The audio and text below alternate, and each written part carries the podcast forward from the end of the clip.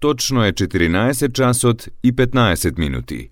Ја следите програмата на македонски јазик на јавната медиумска установа Радио Телевизија Војводина, трета програма. Емисија Македониум.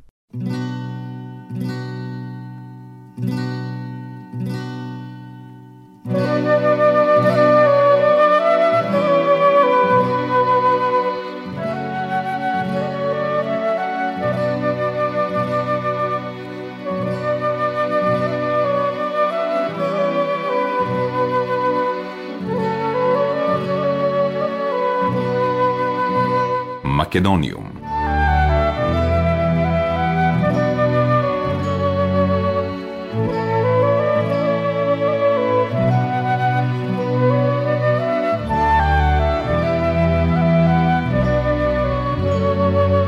Добар ден и добре дојдовте во најновото издание на емисијата Македониум. Со вас, почитувани слушатели, е вашиот уредник и водител Јулијана Милутиновиќ.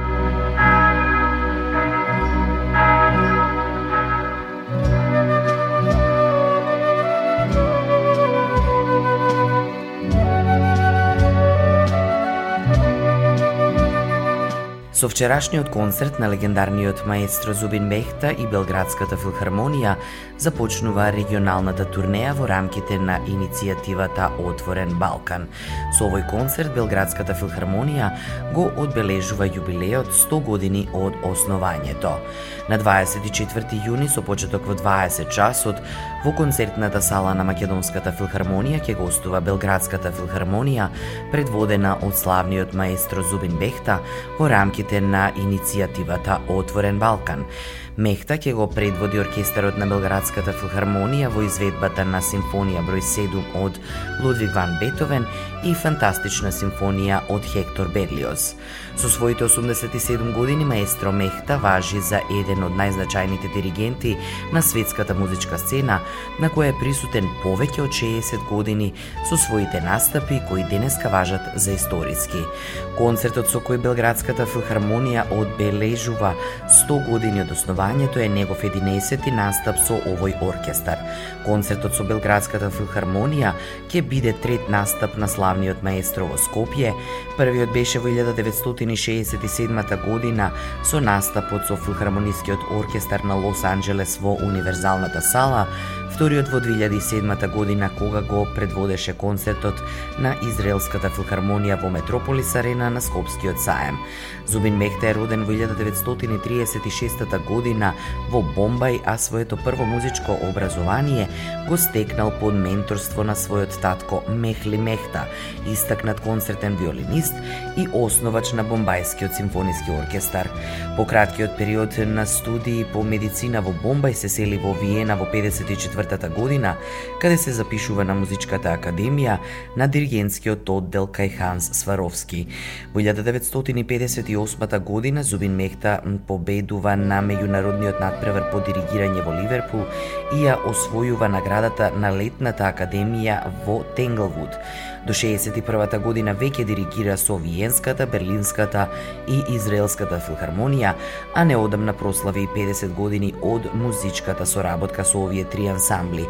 Бил музички директор на Монтреалскиот симфониски оркестар од 61 до 67 година, додека во 62-та ја превзема позицијата музички директор на Филхармонискиот оркестар на Лос Анџелес, на која се задржува до 78 година. Во октомври 2019 година се збогува од Израелската филхармонија, во која поминал 50 години.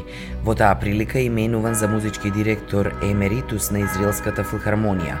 Посебна чест му е укажана и пред е, една година, кога новата концертна сала на Театро Дел Маджо музикале во Фиренца го добива неговото име.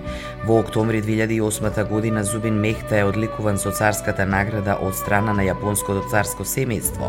Во март 2011 година добива посебно признание со поставувањето звезда на Холивудскиот булевар на славните. Команданскиот крст и орденот за заслуги му ги доделува Германија во јули пред 11 години, а индиската влада во септември 2013 го одликува со наградата Тагоре за културна хармонија, која година дена порано ја доби и Рави Шанкар. Минатата година владата на Австралија го именува за почесен носител на Орденот на Австралија. Зубин Мехта продолжува да ги открива и поддржува музичките таленти ширум светот. Заедно со својот брат Зарин ја води музичката фондација Мехли Мехта во Бомбај, каде повеќе од 200 деца стекнуваат знаење од областа на западната класична музика. Музичката школа Бухман Мехта во Телавив развива млади таленти во Израел и поблиску е поврзана со Израелската филхармонија преку нов вид подучување на младите арапски израелци во градовите Шварам и Назарет со локални наставници и со членови на Израелската филхармонија. Одбележувајќи 100 години од своето постоење, оваа година Белградската филхармонија денес се позиционирана како најдобар оркестар во регионот и ансамблот што представува освежување на меѓународната концертна сцена. Според пишувањата на меѓународните медиуми, Белградската филхармонија е култен српски оркестар според Financial Times, еден од водечките европски оркестри според Independent, оркестар кој гледа само напред, вели Вашингтон Пост, и ансамбл кој со себе носи голема доза на наследство и гордост, вели Нью Йорк Таймс.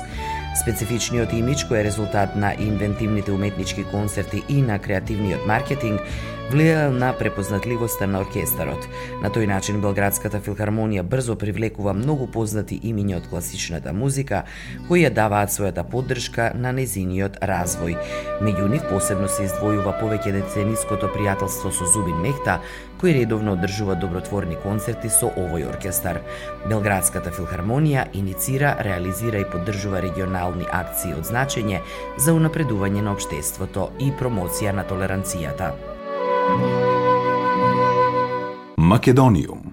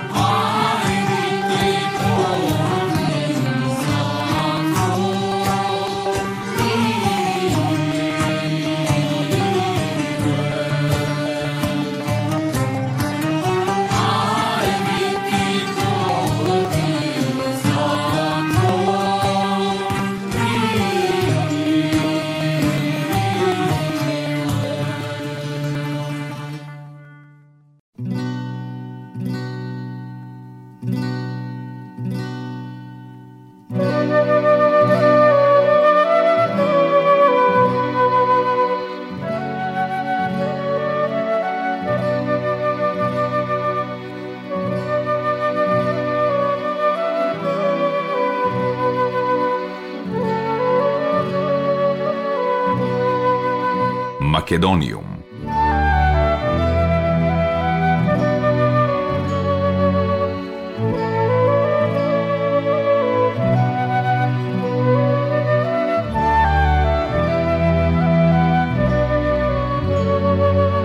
Под мотото приказните зад музиката во кинотека на Македонија завчера започна деветото издание на Скопје Синема Сити, единствениот филмски фестивал во Македонија посветен на музичките документарни филмови.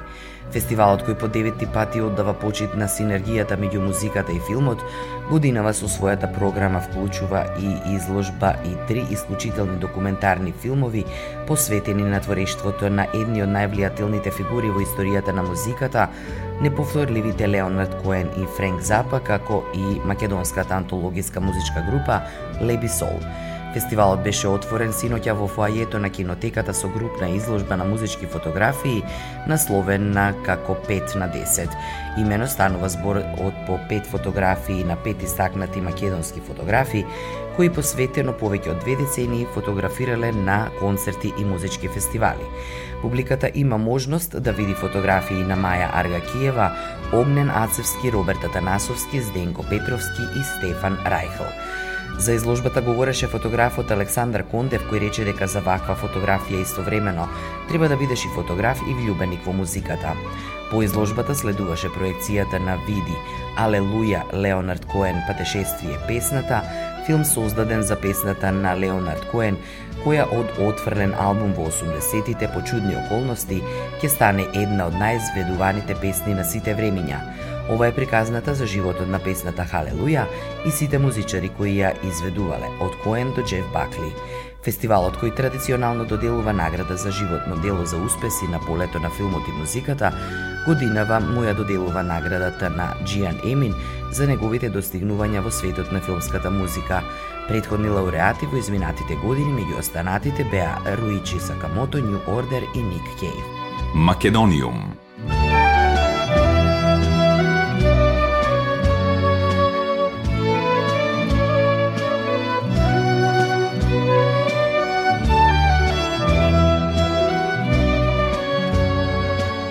Карневалските маски, струмичка корида на основното училиште Видое Подгорец и струмички глуварчиња на училиштето Димитар Влахов учествуваа на 21-виот меѓународен карневал во Панчево, кој се одржа изминатиот викенд.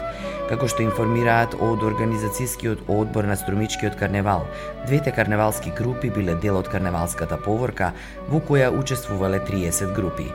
Преку посебното представување на странските групи ден пред главната карневалска вечер, домакинот на карневалот им даде неповторлива можност со кореографските настапи да се представат во најдобро светло, меѓу кои и нашите да го свртат вниманието на домашната публика врз раскошните креации на карневалските маски со кои настапуваат, информираат од Струмичкиот карневал.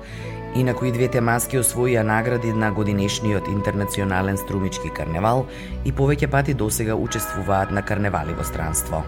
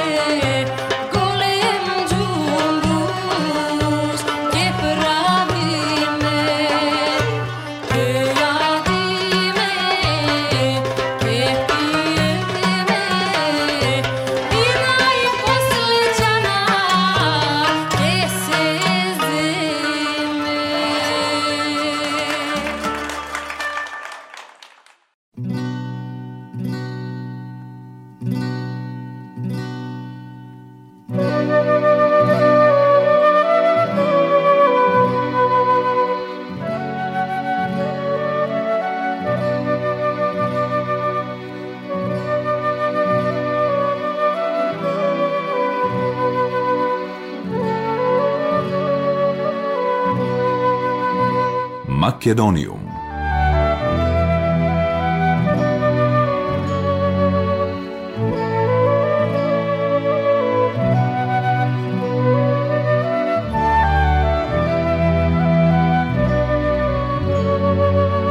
Во чест на охридскиот виртуоз на виолина Климе Сабило, вечерва Чалгија Саунд Систем ќе одржи концерт пред платото од Центарот за култура Григор Прличев во Охрид.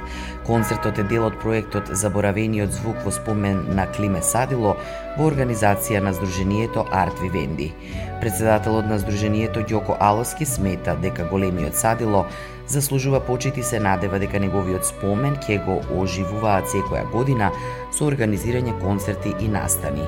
Како охријанец, а и како академски музичар кој своето школување го завршил на Музичката академија во Скопје, Алуски преку овој концерт сака сите да се подсетат на тој призвук кога луѓето се соединувале постојано, а песната била неизбежна.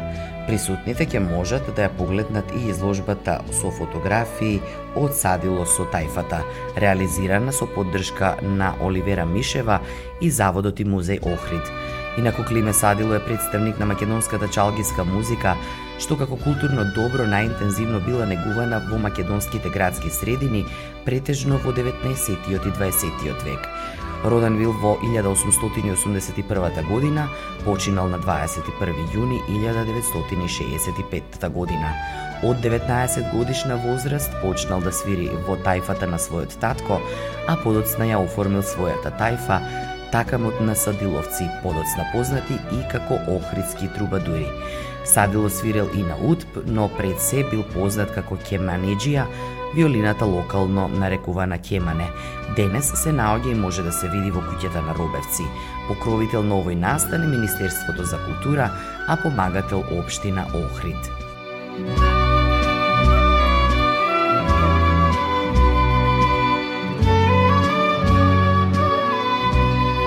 Македониум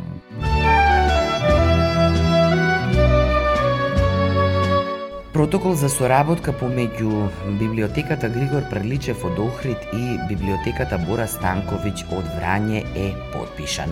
Протоколот на српски и македонски јазик во присуство на колеги од двете библиотеки и поканети гости од јавниот и културниот живот на Врање го подпишаа директорите Зоран Најдиќ и Милчо Јовановски. Преку реализацијата на меѓународната соработка, двете библиотеки ќе го промовираат роднокрајскиот автор, националните културни и културно-историски наследства. На тој начин ќе се засилат стручните и уметнички капацитети, а ќе разменуваат искуства и во областа на дигитализацијата на книжниот фонд. На овој настан присуствуваше и градската советничка за култура Изабела Савиќ и истакна дека градското раководство секогаш ќе ја поддржува секоја иновативна идеја која ќе значи унапредување на културните потенцијали на градот. Охридската библиотека пред присутните се представи со видеопроекции сврзани со животот и делото на патронот, поетот и преродбеник Григор Преличев. Во знак на воспоставената соработка, библиотеката Григор Преличев подари книги со што го збогати македонското катче во библиотеката во Врање, а над 50 нови македонски наслови беа подарени и на македонското здружение Гоце Делчев од Врање. Договорено е во август делегацијата од библиотеката од Врање да ја посети библиотеката Григор Перличев од Охрид.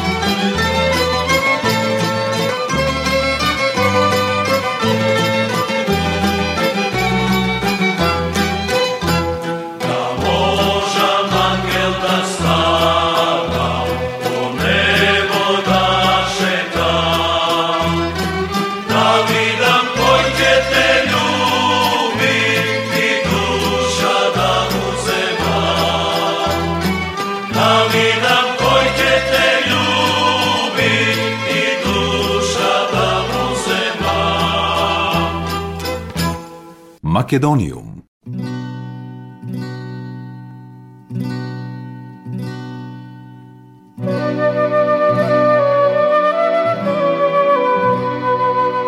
Почитувани слушатели, тоа беше се во денешното издание на емисијата Македониум.